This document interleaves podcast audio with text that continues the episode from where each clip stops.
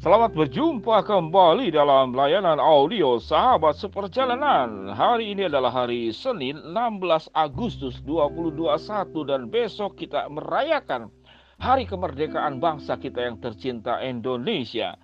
Firman Tuhan dengan tema saat ini dengan judul penyakit keras kepala. Penyakit keras kepala terambil di dalam Mazmur pasal yang ke-32 ayat ke-8 sampai dengan ke-9. Ayat ke-9 berbunyi demikian, Janganlah seperti kuda atau bagal yang tidak berakal, yang keganasannya harus dikendalikan dengan tali les dan kekang.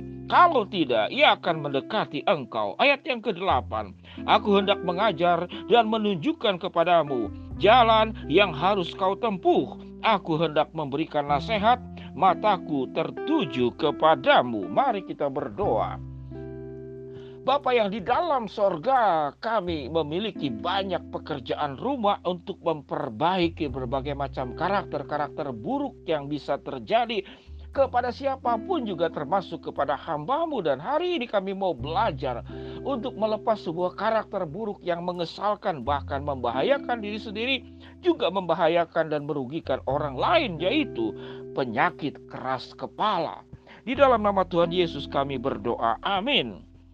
Shalom sahabat seperjalanan yang dikasih Tuhan. Apa bedanya keras kepala dan kepala keras? Kalau kepala keras itu menjelaskan memang kepala kita terlindung oleh otak tengkorak yang keras luar biasa. Dan saya pernah punya jemaat yang sekolah di kedokteran lalu mengirimkan sebuah foto itu bagian daripada mayat yang sudah meninggal karena itu pembelajaran mayat secara langsung itu bagian tengkoraknya itu untuk melihat otak bagian dalamnya sampai digergaji. Agak menakutkan memang ya. Sahabat seperjalanan itu namanya kepala keras. Kepala memang keras.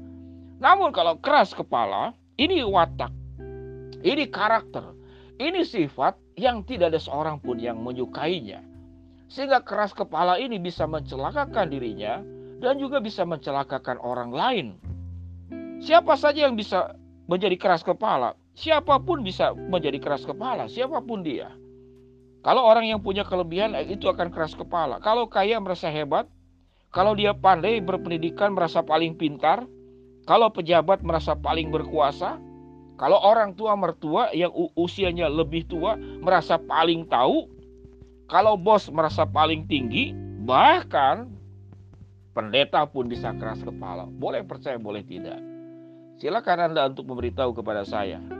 Pendeta pun bisa keras kepala. Karena pendeta merasa dia merasa paling rohani, paling tahu Alkitab, paling tahu kebenaran. Sehingga bahkan antar pendeta pun bisa saling berbeda pandangan. Harusnya kan saling belajar. Karena tidak ada yang sempurna. Itu siapa yang bisa keras kepala? Orang malas pun bisa keras kepala. Sudah nasib saya begini memang tidak ada kemajuan. Keras kepala. Diberikan petunjuk, diberikan jalan tetap dia tidak mau.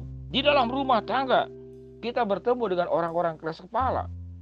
Anak bisa keras kepala belajar dari orang tuanya. Orang tua bisa keras kepala belajar juga dari orang tuanya. Lalu orang tuanya kita punya orang tua juga keras kepala. Rupanya yang diturunkan itu karakter-karakter buruk. Sehingga sahabat seperjalanan, kalau engkau ingin mewariskan yang baik, maka wariskanlah hal-hal yang baik. Jangan mewariskan harta yang buruk. Kenapa orang yang keras kepala itu tidak mau berubah? Kenapa tidak mau berubah? Karena dia berhenti belajar, merasa tahu semuanya, dan dia tidak mau berubah. Kalaupun ada kelemahan, ya sudah saya begini menerima saja. Jadi ada yang berhenti belajar, ada yang mau tidak mau berubah. Orang keras-keras kepala itu lebih berorientasi kepada kelebihan-kelebihan yang dia miliki. Tapi untuk kekurangannya dia tidak mau dikoreksi. Dia tidak mau diberi masukan. Apalagi kemudian berubah. Dia tidak mau. Dia merasa bahwa tidak ada yang lebih baik dari diri dia. Dia merasa paling benar. Jadi sifat keras kepala adalah sifat perasaan harga diri yang keliru. Perasaan harga diri yang keliru. Sahabat seperjalanan yang dikasih Tuhan. Saya mencatat di dalam kisah hidup manusia ada orang-orang yang sangat keras kepala. Salah satunya adalah Hari Randall namanya. Saya lihat di Google. Dia tinggal di lereng gunung, itu Gunung Helens namanya, dan gunung itu akan meletus. Pihak sah sudah memberitahu harus evakuasi harus pindah, dia tidak mau, dia tetap tinggal di sana. Dia tetap tinggal di sana dan benar akhirnya dia meninggal kena larva panas. Ada namanya itu Hiro Onoda. Ini adalah pengalaman peperangan dunia kedua. Dia masuk ke hutan Filipina, tinggal di sana, sementara peperangan sudah usai.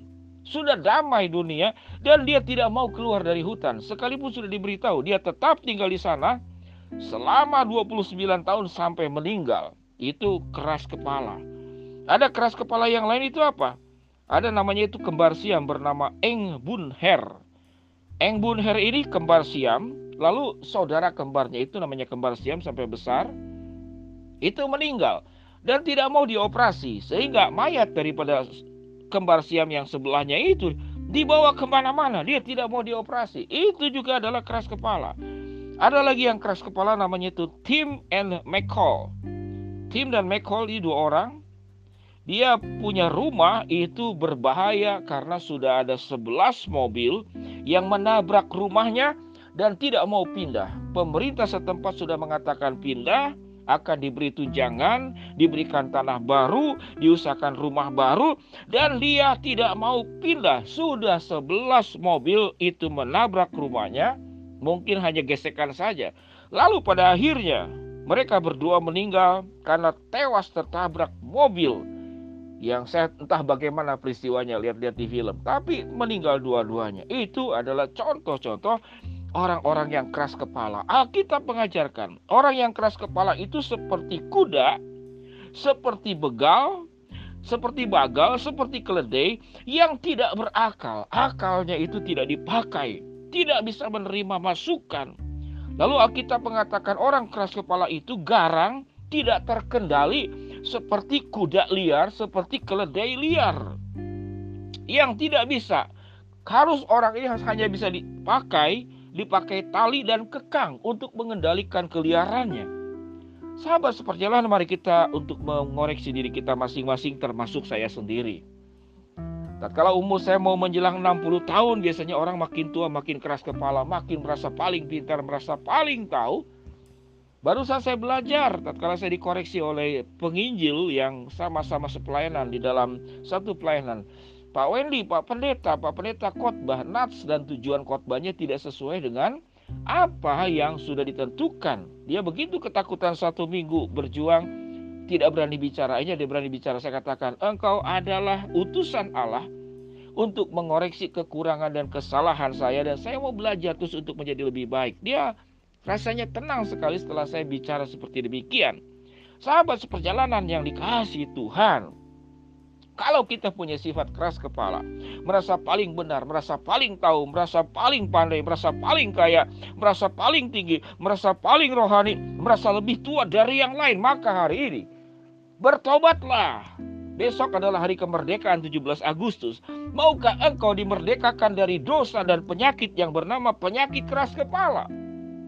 Jadi kalau Anda hari ini mendengarkan renungan sahabat seperjalanan 16 Agustus, besok 17 Agustus, Berdoalah kepada Allah, ya Tuhan, kalau aku punya sifat keras kepala, merdekakan aku dari dosa dan perbudakan karakter keras kepala. Karena firman Tuhan berkata, orang yang keras kepala itu seperti kuda atau begal yang tidak berakal, yang kegarangannya harus dikendalikan dengan tali, les, dan kekang. Tetapi marilah kita boleh mendengarkan seperti ayat, ayat ke-8. Aku hendak mengajar dan menunjukkan kepadamu jalan yang harus kau tempuh Aku hendak memberikan nasihat. Dengarkanlah nasihat dan petunjuk Allah dari kebenaran firman Tuhan ini. Berdoalah dan buktikan dan tinggalkanlah penyakit keras kepala. 16 Agustus hari ini. Besok hari kemerdekaan Republik Indonesia negara kita yang kita cintai. Buang penyakit keras kepala. Jangan mau diperbudak. Jadilah orang merdeka dari penyakit keras kepala. Mari kita berdoa. Bapak yang di dalam surga, pertama kami bersyukur untuk salah seorang sahabat seperjalanan yang menghubungi hambamu yang memberikan dukungan untuk pelayanan anak asuh. Kami bersyukur untuk seorang Bapak dengan inisial S.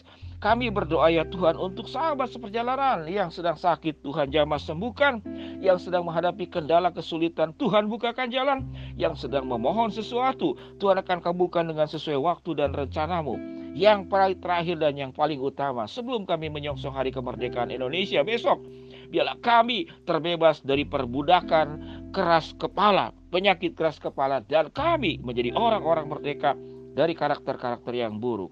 Dalam nama Tuhan Yesus kami berdoa. Amin. Shalom sahabat seperjalanan yang dikasih Tuhan. Belajar hidup merdeka dari perbudakan dosa, penyakit keras kepala. Tuhan memberkati kita semua. Amin.